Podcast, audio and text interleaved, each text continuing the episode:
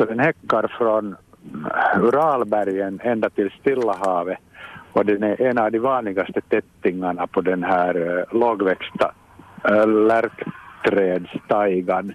Och det kan till exempel ha en sån bakgrund nu att sommaren har varit väldigt, det var en bra häckning och det finns väldigt mycket ungfåglar och, och man vet från tidigare redan att, att, att det där enstaka individer har, har flugit till Västeuropa. Så enkel kan lösningen vara men riktigt exakt så får man kanske aldrig veta. Mm, det var ju 16 år senast som den jo. sågs i Hangö.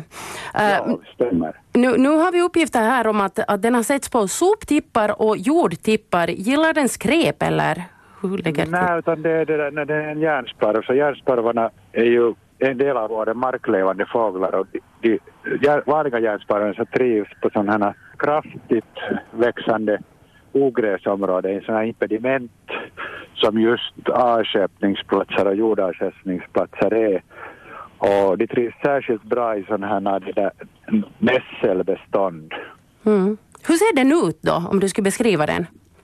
No, den är mörkt medelbrun på ryggsidan, mörka strimmor och så har den ett klargult ögon, ögonbrynsträck, äh, svart täckning mellan, mellan det där, eller, eller bakom öga och runt öga och sen klargul haka och, och bröst och lite ljusare gul på magen. Och så är den ganska, den är liten? Grann, ja, den är sådär ungefär talgoxstorlek. En ganska grann fågel är det.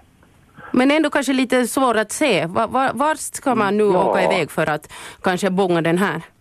No, det är de här ställen där, där ornitologer har hittat dem, alltså jordarsättningsplatsen i Hangö och avköpningsplatsen i Hing och du glömde en sen observationen, du kanske inte visste om det men det fanns en i Raseborg igår i Pujo. Jaha, just det. Det var en nyhet. Och, jo, och Lojo avköpningsplats har varit ett ställe där det har funnits redan, det är väl en vecka nästan snart.